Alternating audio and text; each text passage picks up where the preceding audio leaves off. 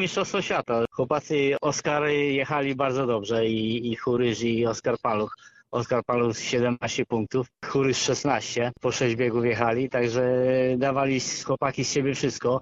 No troszeczkę pechowo zajęliśmy to drugie miejsce, bo Oskar Churysz był na prowadzeniu, ale pękł mu pasek od laczka i, i spadł po prostu, no i, i, i został minięty przez zawodnika. Także ten je, jeden punkt stracił, tak byśmy zajęli egzekwo pierwsze miejsce razem z którym byśmy mieli po 34 punkty. Czyli generalnie można być naprawdę bardzo zadowolonym e, z występu obu zawodników. No i trochę szkoda, że posypały się te kontuzje na koniec. No posypały się kontuzje. Byłem przekonany, że w tym roku to będziemy mistrza Polski młodzieżowych, drużynowych mistrzostw Polski juniorów, ale no może, może jakimś jeszcze cudem nam się uda, że awansujemy może do tego finału.